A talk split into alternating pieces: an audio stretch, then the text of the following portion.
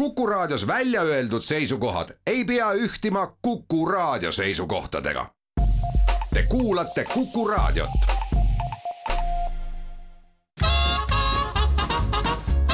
jäljed gloobusel tervist, kena sügise jätkub Jäljak loobuselt samamoodi. Väints ja Karu on täna stuudios, aga mitte kahekesi, sest meid on täna siin sootuks kolm. suur tere ka minu poolt ja üllatus-üllatus, kätte on jõudnud see aeg, millest me oleme siin tegelikult juba kõik eelnevad saated rääkinud, et ühe korra satub meie stuudiosse ka saatekülaline ja, ja täna ongi see päev ja kui me eelmisel saatel siin natukene võtsime aasida jalgratta matkamise teemal või vähemalt mina võtsin siis eh, mõtlesime, et eh, väga mõistlik oleks sellest punktist edasi minna ja, ja natukene jalgrattamatkamisest rääkida. ja seetõttu ongi täna meil stuudios minu hea tuttav Raimo Laosma, keda Tere. siis eh, maailm Tere. tunneb vutsimehe nime all ja, ja et anda sulle nüüd siit sõna ja, ja lasta sul vabas voos rääkida, siis äh, räägime kõigepealt sellest, kuidasmoodi sina jalgrattamatkamise juurde üldse jõudsid ja, ja millised on selle otsuse tagamaad no jalgratta matkamise juurde ma jõudsin tänu ühele lugupeetud tohtrile, kes ütles, et minu kõik muud pallimängud ja muud asjad on läbi saanud ja, ja jäävad minu jaoks ainult ujumine ja jalgratas.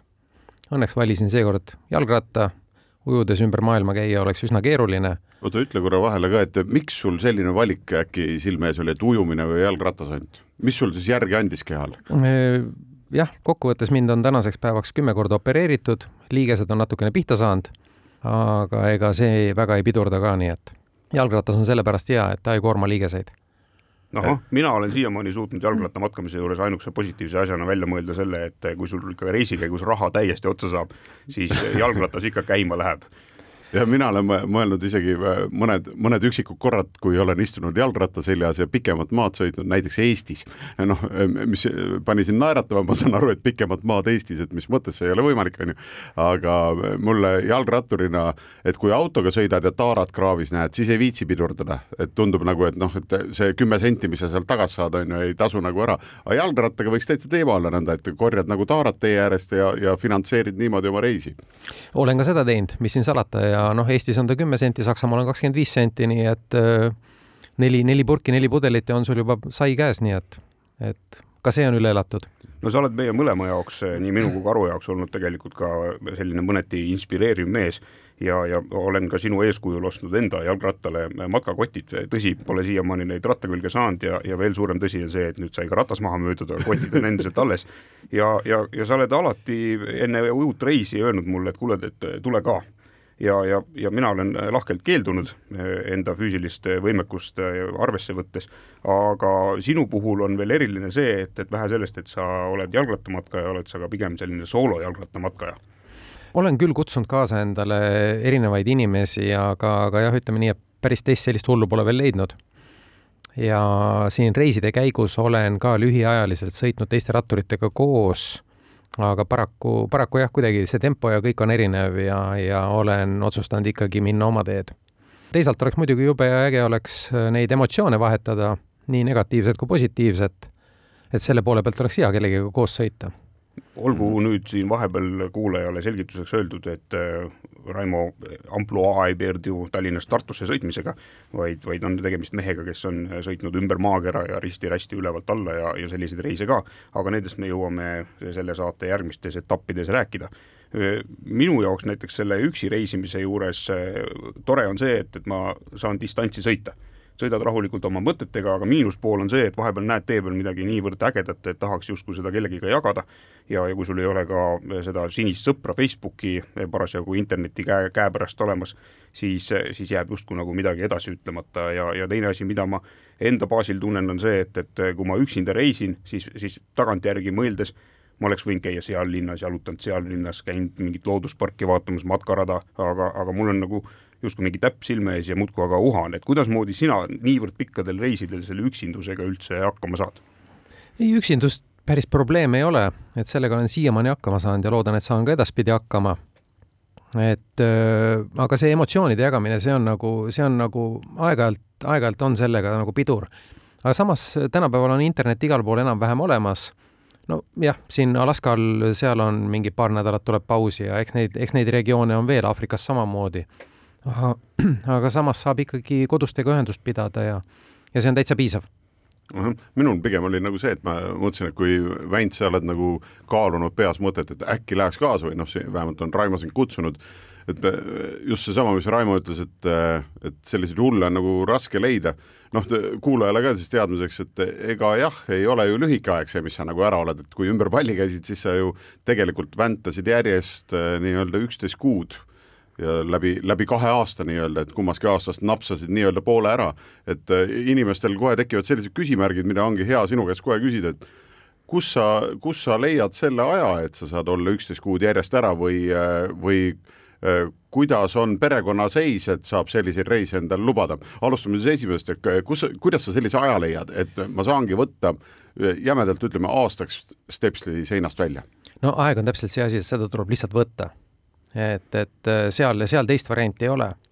ja kui nüüd lähme selle küsimuse teise poole poole, siis mul on väga mõistev elukaaslane, kes mind igatepidi toetab nendel reisidel ja, ja on selline tugiisik kuigi, kuigi distantsilt, aga jah, kõik, kõik muud asjad jäävad tema õlgadele, nii et, et selles suhtes mul on vedanud kuidasmoodi sa füüsilises mõttes äh, hakkama saad, noh, me räägime siin üheteistkümne kuusest äh, matkast, räägime siin äh, kuuepoolesest, seitsmekuusest matkast, on ju, kus rattakaal on sinna viiskümmend pluss kilogrammi ja, ja, ja noh, sa sõidad ju mitte paarkümmend kilomeetrit päevas, vaid ikkagi uhad nii, et meelde jääks, on ju, et kuidasmoodi, kuidasmoodi sa ennast füüsilises mõttes ette valmistad, ma usun, et seal on tegelikult väikesegune niisugune ühendus ka võib-olla enda nagu sellisesse mentaalsesse maailma, et sa üldse suudad sundida ennast sõitma no see pigem, pigem ongi rohkem see mentaalne pool, et äh, füüsilise poole pealt äh, eelmisele reisile ma läksin null kilomeetri pealt, kuna mul oli väike pisikene reielihase vigastus ja ei saanud, äh, neid sadulatunde ei saanud ennem üldse.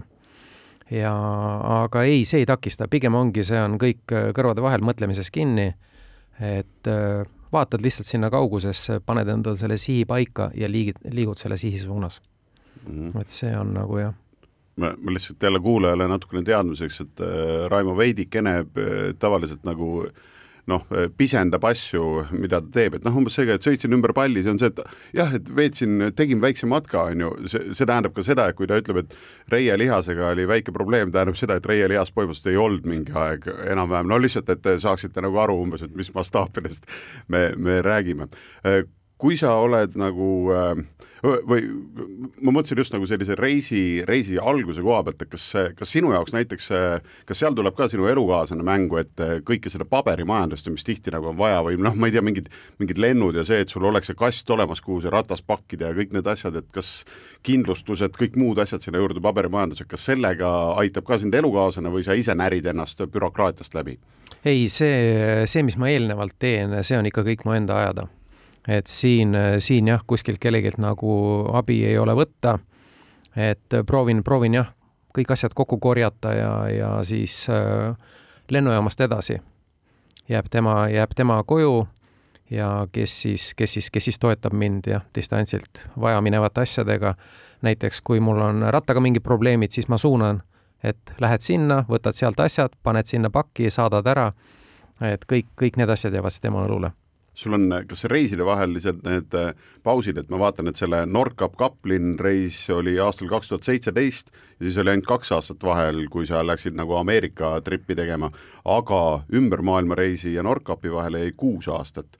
et kas see oli mingi niisugune sunnitud paus või see oli teadlik valik, et sa nii pika pausi teed?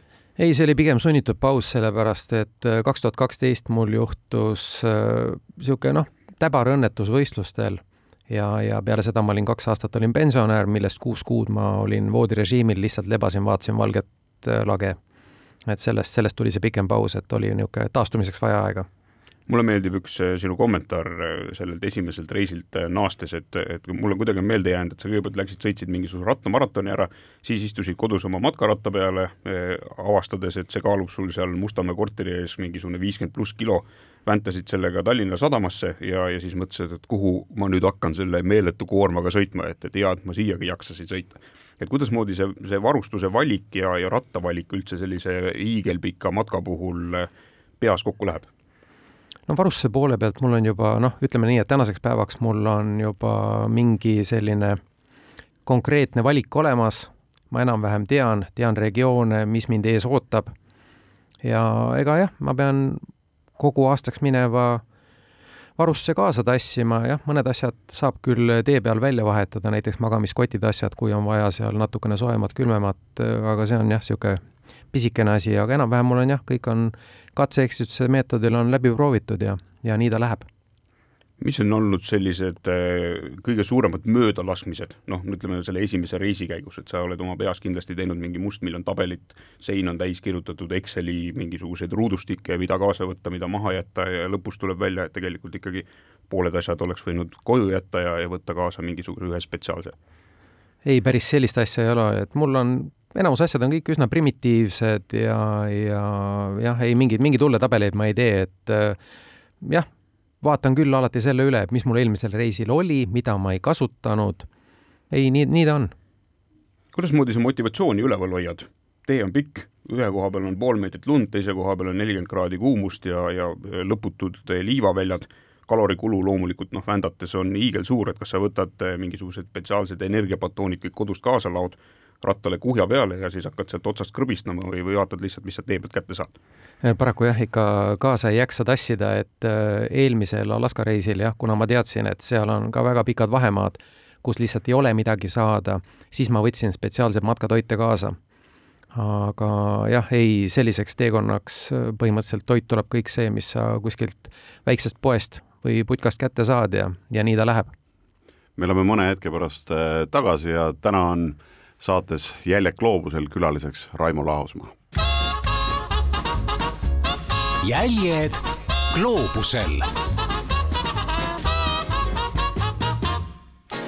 jäljek gloobuselt jätkab ja meil on täna külaline jalgrattamatkaja, legend juba eluajal, Raimo Laosmaa jah, ja, ja, ja avalikkusele tunduva sellise nimega nagu Futsimees ja, ja sellise nimega saab sind ka sellest imetabasest sinisest Facebooki maailmast üles otsida võtaks natukene luubi alla ka noh, inimesi alati sellised äh, suure, suuremad asjad huvitavad ju väga ja väga, et äh, pöörame kella nii-öelda veidikene üle kümne aasta tagasi, aastal kaks tuhat kümme asusid sa oma esimesele nagu äh, eepilisele reisile ehk tegema pallile tiiru peale. kui sa nüüd tagantjärgi vaatad, et oli see siis niisugune mõistlik mõte ja mida sa teeksid teistmoodi? mõte oli igati mõistlik, teistmoodi, ega seal praktiliselt ei olegi midagi võimalik teha sellepärast et äh, see, mis ma tegin, oli see aeg õige otsus ja kartus oli muidugi alguses suur, et kas ma seda suudan ja nii ja naa, et äh, pole kunagi nii raske rattaga sõitnud ja, ja pole nii pikalt sõitnud. aga see kõik, kõik töötas ja tagasi vaadates kõik oli, kõik oli super, nii et, et kahetseda ei ole siin midagi. kas äh, mingi riikide valik näiteks võis olla selline äh, Äh, et noh, näiteks tänasel päeval sa valiksid näiteks mingid teised riigid, millest läbi minna? seda, seda teekonda oleks ka raske muuta, sellepärast et äh, see sai kunagi hästi-hästi ammu juba paika pandud ja ka sellest järgmised reisid on kõik juba ikka, ikka väga ammu paika pandud. et äh, sellel, sellel trajektooril jah, võib-olla, et oleks tahtnud seal Aafrika poole peal natuke pikemalt seigelda esimesel reisil ka, aga mul oli jah, see ajaühik oli selline piiratud ja see on kuidagi nii läinud, et äh, see on ka järgmistel reisidel olnud selline takistav faktor, et seal natuke rohkem seigelda või, või keerutada. sa oled selle ümber maailma reisi pannud endale kõige esimese reisina kirja, kas äh, sul enne seda oli ka mõni äh, selline jalgrattamatka kogemus olemas, mille baasilt uut hakata planeerima? oli küll, käisin kunagi kolm päeva Peipsi ääres oh,. et see koguni. oli ja, ja, ja venitsime kolm päeva välja ja see oli, see oli üliäge. ja siis, siis läks jah, esimese niisuguse suurema reisini läks äh, palju aastaid ja selle, kust ma selle inspiratsiooni nagu sain, oli see, et ma olin peale kolmandat põlveoperatsiooni kodus jalad laua peal ja lugesin, et üks äh, vene mees lõpetas oma teise ümbermaailmareisi. ja siis andsin endale vaikselt sisimas, andsin lubaduse, et ükskord, kui jalad kannavad, jalad all, siis see on asi, mida tahaks teha. kas ümbermaailmareis on või vähemalt mulle tundub, et see paljudele inimeste jaoks on mingisugune esimene reisiplaan üldse, et see on kuidagi selline müütiline asi, et sa käid tiiru ümber maakera ära, kas see, see nägemus oli sul kohe olemas, et sa kindlasti tahad selle mehe kombel mööda maailma või maakerale tiiru peale sõita või see lihtsalt kuidagi sattus niimoodi ette? ei, tahtmine oli konkreetselt jah, see pallile tiir peale teha ja, ja see oli vahva jah, kui esimesele reisile ka proovisin leida mingeid toetajaid või asju ja noh, siis naerdi välja, et ahhaa, jalgrattaga ümber maailma, et noh, võta kohe suund sinna Paldiski maanteele, et et ega siin enam pikka pidu pole, aga jah, siis sai see tehtud ja, ja siis äh, hilisemalt jah, mõnede niisuguste inimestega kohtusin, siis viskasid pilgu maha lihtsalt. ometigi tuli ju kuidagi niimoodi välja, et tegid selle ühe reisi käigus kaks tiiru ümber maakera. jah, see on selline väike, väike niisugune kaks, kaks ühes, sellepärast et kui ma olin välja jõudnud Alaskale Anchorage'i, siis selgus, et sealt otse Venemaale Magadani ei ole võimalik pääseda ja siis oligi tuli niisugune üllatusmuna, et äh, Anchorage'ist lendasin Frankfurti, Frankfurdist Moskvasse ja Moskvast lõpuks Magadani. ehk siis tegin veel omakorda ühe tiiru peale. Ehk siis nagu jämedalt võiks öelda, et mingi läbisid nagu enamus ajatsoone, mis maailmas olemas on, nagu selle äh, lennukiga siis? Äh, ja, ja need said, need said kõik läbi kondatud, nii et ega seal, seal midagi niisugust väga teistmoodi ei ole. räägi sellest marsruudist veidi lähemalt Äh, alguse võtsin siit laevapileti, võtsin Rootsi ja seda ainult sellepärast, et vältida Poola teid, kuna Poola teed on teada-tuntud, kus on palju, palju raskeveokeid, äh, teeserva kui sellist perve, kus sõita väga ei ole. et olles korduvalt sealt autoga läbi sõitnud, siis see tundus kohe selline, et ei, ei, ei, et sinna ilmselgelt mitte. Ja siis jah, siit laevaga Rootsi, Rootsi, Taani, Saksa, siis käisin madalmaades vähe ringi, Saksa tagasi, sealt juba Šveits, Prantsusmaa, Hispaania. Ja Hispaaniast siis tegin jah, ühepäevase tripi tegin ka Marokosse, ehk siis sõitsin Ceutas, sõitsin Tangeri, siis Hispaaniasse tagasi ja sealt äh, Lissaboni. Portugalist lendasin äh, siis äh, Bostonisse, Ameerikasse ja seal siis tegin väikse niisuguse ringi ehk siis Montreal, Toronto ja New Yorki tagasi. et see ei olnud ka niisama ring, aga siis käisin jah, oma vanaonul Torontos külas ja, ja tagasi tulles jah, siis Scrantonis, Pennsylvanias, seal siis juhtus väike õnnetus, lumesahk sõits mulle otsa. ja noh, esimene mõte oli muidugi see, et siia see reis nüüd jääb aga, aga siis jah, seal kraavis kosudes siis vaatasin, et ei, ei, et käed-jalad jäid otsa ja ja, ja enam-vähem sõrmed ka liiguvad, noh, pöidlad jäid küll mängust välja, sellepärast et need väga ei liikunud, need käisid tagurpidi ära. aga jah, liikusin, liikusin vaikselt edasi. Kuigi jah, kiirabibrigaad tahtis mind kohe haiglasse ära viia ja, ja aga kuna nad ei olnud nõus minu jalgratast kaasa võtma, siis, siis läksid me teed seal lahku. See on täiesti loogiline ja mulle, mulle meeldib ka see, see loogika nagu see, et vot sõitsin sealt Torontos korra käisin onju, et noh, olin seal onju, noh lihtsalt Toronto on ju noh, meil Kanadas noh, lihtsalt onju, noh sips käisin seal Kanadas ka ära. Ja siis lihtsalt, et anda veel sellele nagu toredat mõõdet juurde. Ja siis sõitis mulle lumesahk äh, nagu otsa, mis tähendab, et noh, et sa väntasid põhimõtteliselt nagu lumes sel ajal, see tähendab ka ühtlasi. jah, noh, selle tee peal küll väga hullu lund ei olnud, aga see tee, kust ma eelmisel päeval tahtsin üle mägede minna, siis need olid lumetormi tõttu suletud ja siis politsei suunas mu jah, ringi, seal tuli väike kuuskümmend kilomeetrit ringi sõita ja ja siis sain veel boonuseks ühe lumesahaga kauba peale kuidas see sellisel, sellisel reisil üldse endasugustega kohtumisi, kas neid üldse tuleb ette või, või ei tule absoluutselt või jõuad sa jälgida kellegi teise blogi näiteks, et sa tead, et oo, et meil, kui kõik nüüd hästi läheb, et siis me peaksime sea-, vot seal ja seal peaksime kokku jooksma Panama kanali juures näiteks? ei, kohtumisi on iseenesest palju, sellepärast et rattamatkajaid on põhimõtteliselt igal pool seiklemas, ütleme nii, et Aafrika võib välja jätta, noh, selle reisi jooksul ma nägin Aafrika pinnal, nägin äkki kolme-nelja ratturit. et seda ei ole just väga palju, aga mujal maailmas näeb neid ikka, ikka, ikka ohtralt.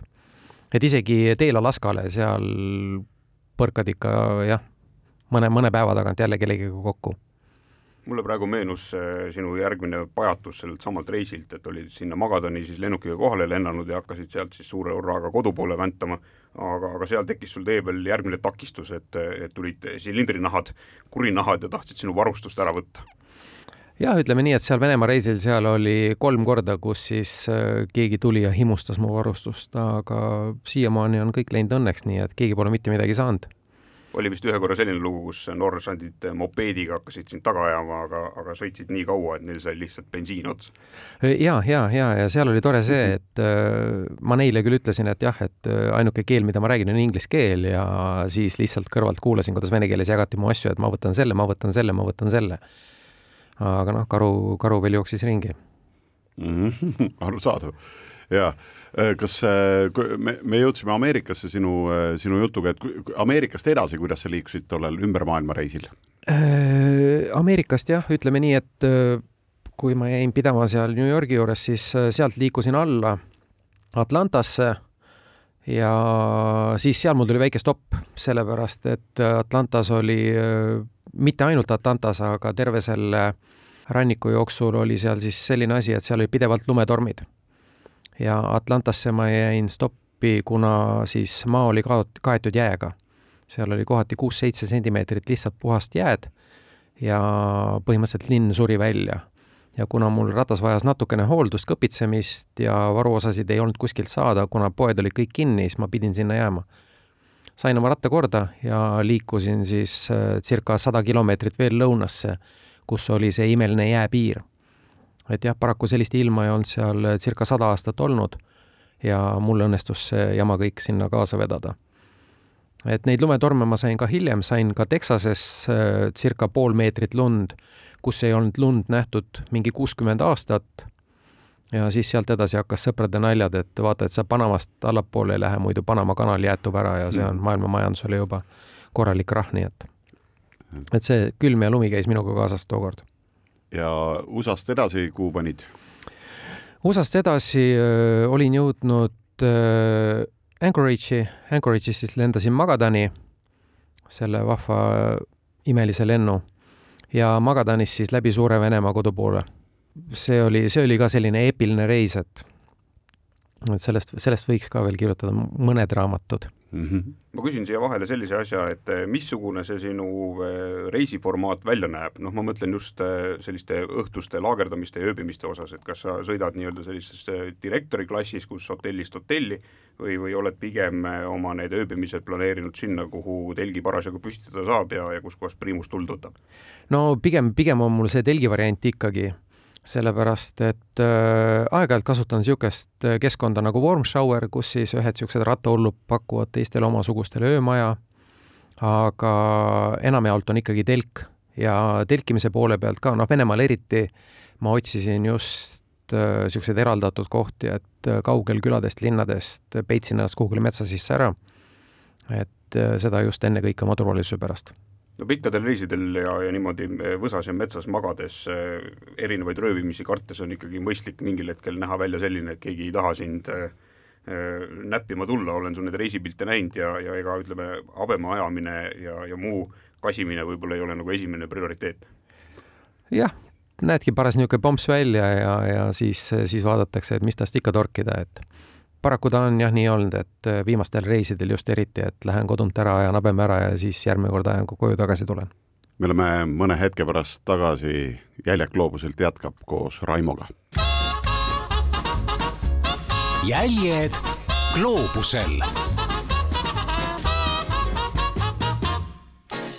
nõnna, Kuku raadio kuulaja, Jelet Gloobuselt on äh, pausilt tagasi ja, ja stuudios on seekord äh, Väints Karu ja Raimo ja räägime jalgrattamatkamise lugu, äh, lugusid.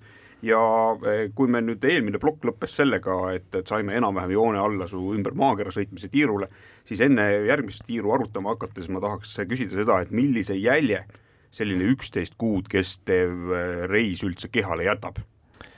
noh, miinus mõned kilod ja, ja trimmis jalalihased korralik habe ja päevitus.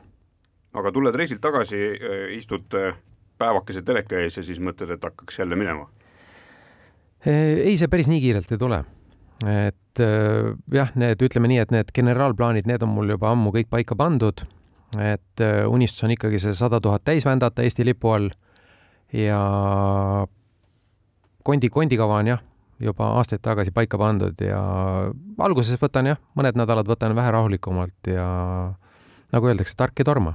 ja tark ei tormanudki, sest järgmise reisini oli sul aega peaaegu kuus aastat ja, ja seekord siis plaanisid kahe tuhande seitsmeteistkümnendal aastal sõita Nordkapist eh, Kaplinna ehk siis ülevalt otsast alla välja ja, ja kestvuseks oli kuus pool kuud. ja, ja ma saan aru, et see reis ei läinud ka sul nagu päris ühes tempos ja ühes kliimas, et, et mäletan su juttudest, et kui ülevalt Nordkapist startisid, oli põlvini lumi. jah, oli põlvini lumi ja, ja see sai ka saatuslikuks, sellepärast et äh, sain äh, korraliku põletiku mõlemale hüppeliigesele, mis läksid niisuguseks äh, korralikuks pakuks alla. aga siin jah, kontakteerudes siis jälle äh, Eesti pinnal meditsiinitöötajatega andsid mulle nõu, et mida teha ja kuidas teha ja noh, muidugi üks asi oli, et kaheks nädalaks kohe rahu ja istu, istu maha ja ära tee midagi. seda ka sulle meelde tuletati, et kuulge, kuule, teine valik oli siiski ujumine, et äkki peaksid selle peale uuesti mõtlema? no ütleme nii, et Nordkapist ei tahaks väga ujuma hakata olgu jah, olles me, vot see on vist koht, kus me kõik kolm oleme käinud, nii et tõesti sealt ei tahaks ujuma hakata, isegi mitte suvel, on nagu selline tunne aga kui sealt ülevalt alla tulid, on ju inimestele ütleme niimoodi, et see see külm osa ja see Euroopa osa kuidagi on nagu äh, mingis mõttes arusaadav, ikka oled natukene sõitnud, natukene neid maid näinud, aga lõpuks, äh, kui sa ühel hetkel nagu Aafrika mandrile jõudsid, et kas sul üleminek oli sealt Maroko kandist Gibraltari juurest või kuskilt mujalt läksid? ei, Maroko juurest jah, sealtsamast ja et äh, räägi sellest, et kui Marokost edasi nagu allapoole hakkasid minema, et äh, mis siis äh, võrreldes Euroopaga teistsuguseks läks, kas või jalgratturi seisukohast, teede, kõige muu olude suhtes?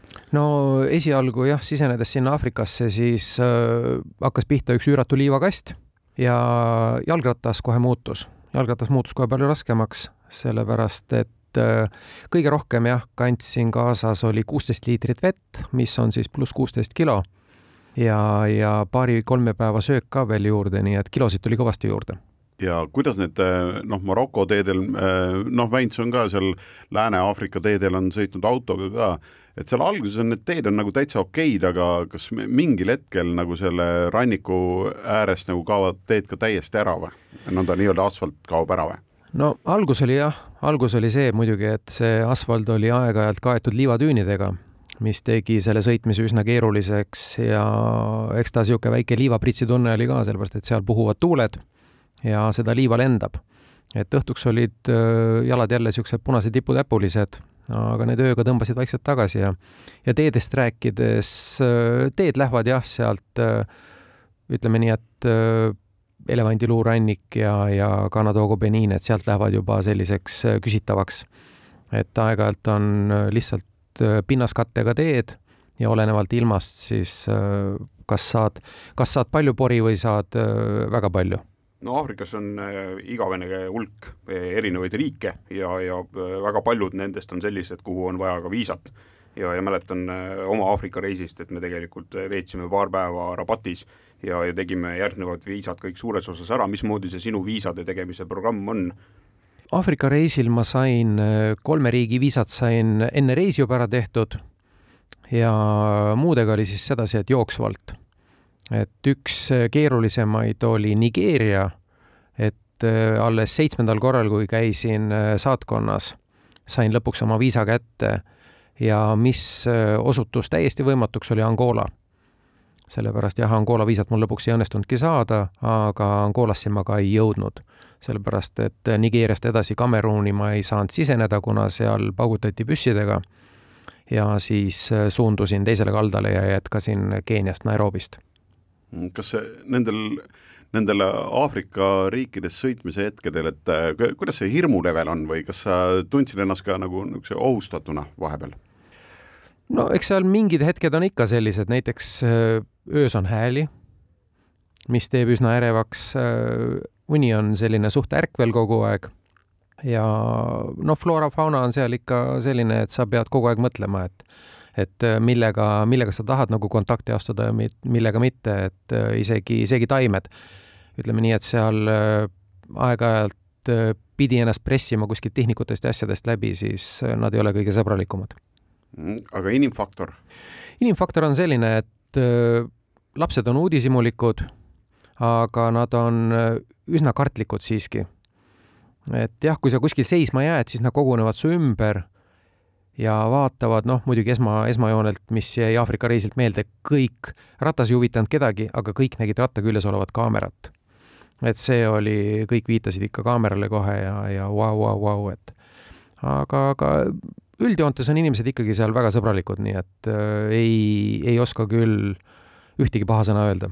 No öiseks ajaks sa ikkagi peitsid ennast ära, on ju, suurtest teedest eemale kuhugi ainukese puu taha, mis äh, seal kasvas, mulle endale meenus äh, sellega see, et et ükskõik kui kaugele sa teest ja, ja inimestest ennast ära peitsid, selleks ajaks, kui telgi püsti said, oli keegi ikka juba laagris. ja, ja kui juba lõke põles, siis oli juba viis inimest ja, ja selleks ajaks, kui maha istusid, oli juba ring ümber, et ja oli juba ja potis juba auras leem nagu ilusasti, jah et äh, jah, nii ta oli, et ega mind ka mitu korda ikka olin telgi püsti saanud, siis äh, lohistati sealt ära küll hoiatades, et Simba, Simba ja, ja mis iganes asjad.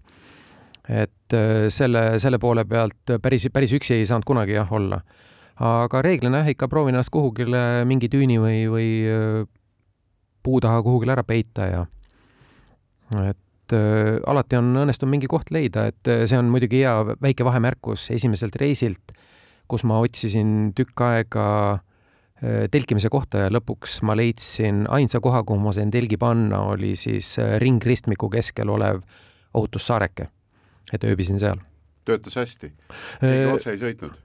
töötas hästi kuni keskööni, siis tulid kojotid, siis oli ah. uni natukene häiritud, natukene ja see, see, need hääled jah, minul tuleb küll nagu sellistes soojemates kantides ka meelde, et seal on ju noh, päeval sa vähemalt nagu enam-vähem omad mingit äh, ülevaadet, mis ümber toimub ja näed, et kas hääle taga on nagu suurem või väiksem tegelinski, aga, aga öösel tõepoolest on see, et et noh, võib ju eh, nii-öelda kuivanud lehtede sees olev krabin võib jätta mulje, et tõepoolest simba-simba on tulemas, aga pärast, kui silmad lahti teed, siis selgub, et üks noh, kuuesentimeetrine mingi satikas on lihtsalt, kes täitsa rahulikult oma kakakuulikest seal veeretab töötab, on ju, ja see võib teha nagu nii kohutavalt palju häält, et see hirmul on suured silmad, noh, see on ju ilmselge, jah. jah, minule kohe meenuvad kaks hirmsat asja, üks oli Peruus mööraahvid, kes võrkkiige kõrval kuskil lõugasid ja, ja teine oli Pamiri mäestikus see hunt ulgus ja, ja see oli nii hirmus, et lõikas oma häälega justkui loost ja lihast läbi. et, et äh, Aafrikas mul sellist kogemust ei ole, et, et ma oleks justkui pidanud mingisuguseid loomasid kartma, küll aga erinevaid röövimisi ja, ja kui sina neid erinevaid riike läbisid, siis äh, ma arvan, et sellistesse sõjakolletesse, siit päris hulludesse kohtadesse ei lastud, aga, aga mõnesse kohasse või mõnda kohta sul õnnestus siiski sisse murda jah, ei, ega selles suhtes küll, et kui ma siin enne reisi kellelegi rääkisin, et mul on plaanis minna vot need ja need ja need ja need riigid, siis öeldi, et oi-oi, kuule, ära sinna küll jalga tõsta, noh, näiteks kasvõi võtame sellesama Nigeeria. aga jah, ütleme mul, mul õnnestus ikkagi see reis sedasi ära teha, et ma isegi ei maksnud mitte kordagi mitte kellelegi altkäemaksu, et noh, sõbrad ütlesid ka, et noh, et sellega võiks nagu Guinessi rekordisse küll pääseda, et, et Aafrikast sedasi läbi sõita aga jah, ei, ei midagi niisugust väga ohtlikku küll ei olnud, et äh, korra oli, kus siis äh, Senegalis tollimees äh, lasi mul rattakotid kõik tühjaks ära tõsta ja, ja siis imustas mu Ledermanni nuga. aga ma ütlesin, et ei, ei, mul on seda rohkem vaja kui sul ja, ja jätsin selle ikkagi endale, nii et kas piirid üldse nagu olid sellised, kas piiri peale, kui sa juba jõudsid ja nad nagu aru said enam-vähem või ma ei tea, kas sa rääkisid alati avatult ka, et aa, ma sealt äh, Norra ülevalt tulen ja kas see mõõde neile üldse muidugi midagi ütleb, on ju. aga kas sa, kas sind vaadati ka nagu debiilikult ikka, kui sa oma plaanidest rääkisid või? no, ja kas see aitas äh, jaa, vahest, vahest isegi täitsa aitas ja, ja aeg-ajalt, noh, eks sa pead tunnetama ka, kes sul vastas on ja aeg-ajalt ma ikkagi mainisin seda, et ei, ei, mul on sõbrad on siinsamas kohe a la tulevad grupiga ja nii ja naa ja eks, eks see piiride ületamine on alati keeruline, et jälle üks värvikas asi, mis meelde jäi, oli see, kui ma hakkasin äh, Nigeeriast Abujast välja lendama Nairobi, siis äh, tolliametnik ei andnud mulle passi tagasi. ja ütles, et anna mulle oma kontaktid, et nüüd tal on vähemalt sõber Euroopas olemas, et äh, tal on, kelle juurde Euroopasse tulla noh, ma ei olnud ka kadepoiss, kuna mul oli Nigeeria kõnekaart olemas, ma andsin talle selle numbri, noh, las ta nüüd äkki helistab tänase päevani veel sinna, et lootes mind kätte saada no kui sa ütlesid, et äh, Angolasse sa sisse ei saanudki, kui ma nüüd ei eksi, siis äh, kas sul oli võimalus sellest riigist kuidagimoodi mööda sõita või pidid vahel lennukiga mõnest riigist üle lendama? ei, ütleme nii, et ma sinna sellesse Kamerunist edasi ma ei pääsenudki. Et äh, ma olin jah, juba peaaegu seal Kameruni piiril ja sealt Äh, olude sunnil pidin äh, Abujasse tagasi väntama ja võtsin siis Keeniasse lennupileti ja lendasin teisele kaldale, et jätkasin sealt oma reisi. ehk siis jämedalt sa jõudsid põhimõtteliselt nagu peaaegu ekvaatorini ja siis ekvaatori joonel tegid väikse lääne-ida suunalise lennu teisele Aafrika mandri kaldale. olude sunnil jah, paraku. Sealt, mis edasi sai, me saame jätkata mõne hetke pärast. jäljed gloobusel me oleme tagasi ja Raimo, jäi jutt pooleli, küsiks, sa jõudsid siis teisele kaldale, et mis riigid sulle seal teisel kaldal kõige rohkem meelde jäid ja miks? no kindlasti, mis meelde jäi, oli Tansaania, sellepärast et juba üle riigipiiri jõudes võttis mind vastu neli kaelkirjakut ja see loomade rohkus, see oli selline, mida eelnevates Aafrika riikides ma ei näinud praktiliselt mitte midagi et äh, Tansaanias jah, oli ka üllatus see, kui hommikul vara ärkasin, ärkasin selle peale, et kuulsin, et midagi ümberringi toimub ja siis ma olin äh, keset sebrakarja. ehk ma olin jah, ümbritsetud sebradest, kes siis, kes siis tegid oma seda toidu, toidurännet, aga jah, imetlesin neid loomi seal ja, ja siis korraga hakkas vasardama kuklas, et oot-oot-oot, et sõralised ees ja kiskjad järgi, et, et nüüd tuleb kiire minek. tuligi jah? jah, et ilmselgelt olen mina sealt kõige aeglasem isegi oma ratta, isegi kui kotid maha viskad? E, jah, paraku, paraku ka siis kas mõni, mõni riik, mis äh, teele jäi, et oli sul veel, äh, veel läks see nii-öelda idakallas nagu äh, rahulikult või oli seal ka mingeid, ma ei tea, tulenevalt hetkeolukorrast mingeid uusi üllatusi? vot väga hea, et selleni jõudsid. üks, üks selline riik oli Zimbabwe, kus ma olin siis piirikontrollis circa nelikümmend minutit ja iga, iga kümne-viieteist minuti tagant küsiti mu käest, kas sa tõesti tahad siia siseneda, siia riiki. ja ma ütlesin, et jah, et kuna siin on Victoria juues, ma tahan seda siitpoolt näha ja, ja sinna see asi jääb. ja siis tuli välja, et kaua pukis olnud riigivalitseja Mugabe võeti öösel äh, sõjaväelise riigipöördega maha. ja, ja siis see oli jah, selline, et läks, läks natukene aega, et lõpuks sinna riiki saada. aga kui said, siis tegelikult jällegi kõik oli sinu, sinu vaatenurgast oli niisugune turvaline? jaa, õnneks ma olin nagu pealinnast üsna kaugel ja ma arvestasin välja, et okei okay,, et niisugune circa, circa pool päeva läheb mul seal Zimbabwe's, et siis ma olen juba edasi Botswanas ja, ja seal on rahu majas, nii et ma võtsin selle riski. Mhm. kui lõpuks jõudsid Kaplinna, siis Äh, noh, minul tekib ka kohe see küsimus, et nii jõudsid Kaplinna, et kas siis lihtsalt nagu, äh, kas sa võtad selle ratta siis Eestisse kaasa või sa jätad ta sinna, müüd maha või kuidas sa üldse tagasi tuled, mis sa selle varustusega teed, noh, nagu sa ütlesid, et viiskümmend kilo olid kotid, et kas see tõesti nagu kõik tuli ka lennukiga tagasi Eestisse? Äh, jah, võtsin, tassisin oma ratta jälle koju tagasi ja, ja sealt mõned asjad läksid muidugi järgmisele reisile jälle kaasa. Ratas paraku on mul reisipõhine, et Äh, see ratas saab ikka nii palju vatti, et selle, ütleme nii, et raamid all on ka pehmeks ära ja igaks reisiks äh, tuleb uus ratas, et oleks kindlus olemas. Ma küsin siia vahele sellise asja, et äh, mul on vähemalt silme ees selline mõte, et jalgrattamatkamine on justkui selle ühe täpi poole sõitmine null neljaks sinna pean jõudma, et, et kui palju sul sellel trajektooril toimub selliseid kõrvalepõikeid põnevate asjade vaatamiseks, et sa just praegu ütlesid, siin Victoria juga tahtsid näha ja, ja siis vahepeal pendeldasid seal Kanada ja, ja, ja Ameerika Ühendriikide vahel, kui palju või kui suur osakaal on vaatamisväärsustel, mis tee peale jäävad? no see läheb jälle selle eeltöö alla kirja, et eks mul on seal to-do listis on mingid asjad olemas, mida tahan näha ja kus kindlalt tahan ära käia ja siis vastavalt sellele ma natukene kujundan seda oma sõidutrajektoori ja siis äh, eks ma, eks ma ikka põgusalt vaatan ka, mis sinna nagu niisugusesse kiviviski ulatusse jääb, et äh, motomatkajatel lihtsam, et tema keerab seda rulli ja läheb, kus tahab. et see kakskümmend, kolmkümmend kilomeetrit kuhugile suunas kõrvale põige teha ei ole keeruline, aga rattamatkal on ta natukene teistmoodi no vot, meie saateaeg hakkab ühel hetkel armutult otsa saama ja, ja teemegi väikese ajahüppe, kui see reis kestis sul kuus pool kuud ja umbes kakskümmend kaks tuhat kilomeetrit sõitsid Nordkapist alla Kaplinna, siis teine reis või see kahe tuhande üheksandal, kahe tuhande üheksateistkümnendal aastal aset leidnud reis oli põhimõtteliselt suuna mõttes sama, aga siis sõitsid Fairbanksist Ushuaiasse ja, ja äh, selleks kulus äh, seitse kuud, kakskümmend kolm tuhat kilomeetrit. noh, ütleme ühise määrajana võiks seal öelda, et kui loobus ette võtta, siis mõlemad olid justkui nagu allamäge sõidud. et, et kas need sellised lihtsamad sõidud plaanisidki jätta viimasteks? ei, tegelikult ta lihtsamaks ei lähe, sellepärast et kõik sõidud lähevad kuidagi natukene kogu aeg karmimaks. et viimasel reisil oli ka,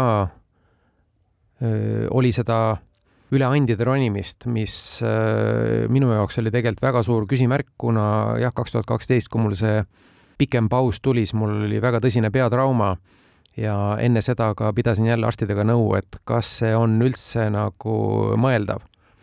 ja noh, muidugi arstid kohe alguses ütlesid, et ei, ei, ei, et unusta ära, et see ei ole enam sinu jaoks, aga noh, Eesti mees arusaadav, noh, kui oled peatrauma saanud, siis sa ei hinda ju enam asju adekvaatselt, noh, siis ei saagi ju aru, onju jah. no mõni kuulaja võib muidugi arvata, et mõni äh, selline tõsisem peatrauma on ka kõikidel nendele reisidele eelnenud. jah, et see võib-olla on mingid traumad, mis sa oled saanud lapsepõlves, millest sa isegi ei tea, Raimo no,, olgem ausad. mul on paar küsimust selle, selle Ameerika sõidu kohta. Äh, mind kunagi inspireeris väga üks raamat, ma ei mäleta autorit, aga selle pealkiri oli La Tortuga mis, eh, ma ei tea, kuidas hääldatakse, tortuga või mis iganes, või kilpkonn on see hispaania keeles, et see oli kunagi üks Ameerika paar, kes eh, põhimõtteliselt tegi sama asja nagu sina, on ju, et tahtsid tulemaale välja jõuda, lõpuks veel, on ju, et Ushuaiast veel üle ka sõita, ja amfiibdžiibiga tegid ühe sõjaväe džiibi, tegid siis veekindlaks, ületasid sellega Panama kanali ja nii edasi ja igal pool müttasid ja käisid, nii et mind väga inspireeris see raamat kunagi üldse nagu seiklustega pihta hakkama. tahtsin küsida, et ma mäletan sealt raamatust, et mingi osa siiski sellel nii-öelda oli, mäletan õigesti, Pan-Ameerika mingi maantee on olemas, eks ole.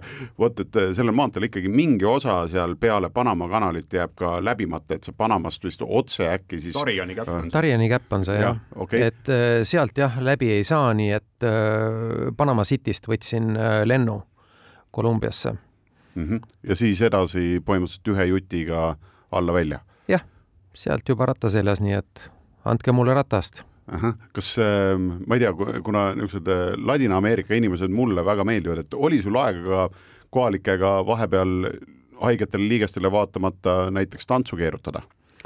tantsumees ma eriti ei ole, et selle jätan vahele, ma võin vaadata küll, kui teised tantsivad, aga jah, las, las ta olla, ma keerutan neid pedaale parem. millised riigid sulle seal Kesk- ja Lõuna-Ameerikas veel ette jäid? noh, hakkame seal pihta Mehhikost Guatemala, El Salvador, Honduras ja. jah, Panama, noh, Panama oli muidugi selline riik ka, kus, kus, kus hoiatati, et äh, kuritegevust on natukene rohkem. et mitte nüüd seda, et El Salvadoris ja mujal seda vähem oleks ja siis äh, Mehhikost ära tulles ma kohtusin ühe Ameerika ratturiga, kes oligi siis äh, Panamaal jäänud kaakidele jalgu ja, ja teda pussitati siis kolm korda, nii et et oli ka väike niisugune taastumine ja siis sõitis edasi. et eks need ohud on alati olemas. Mhm. ja allapoole tulles äh, kas sel ajal oli rahulik, et juba seal äh, nii-öelda äh, Lõuna-Ameerika pinnal olles peale Panamaad said suht nagu seda trajektoori minna, mida olid ette plaaninud?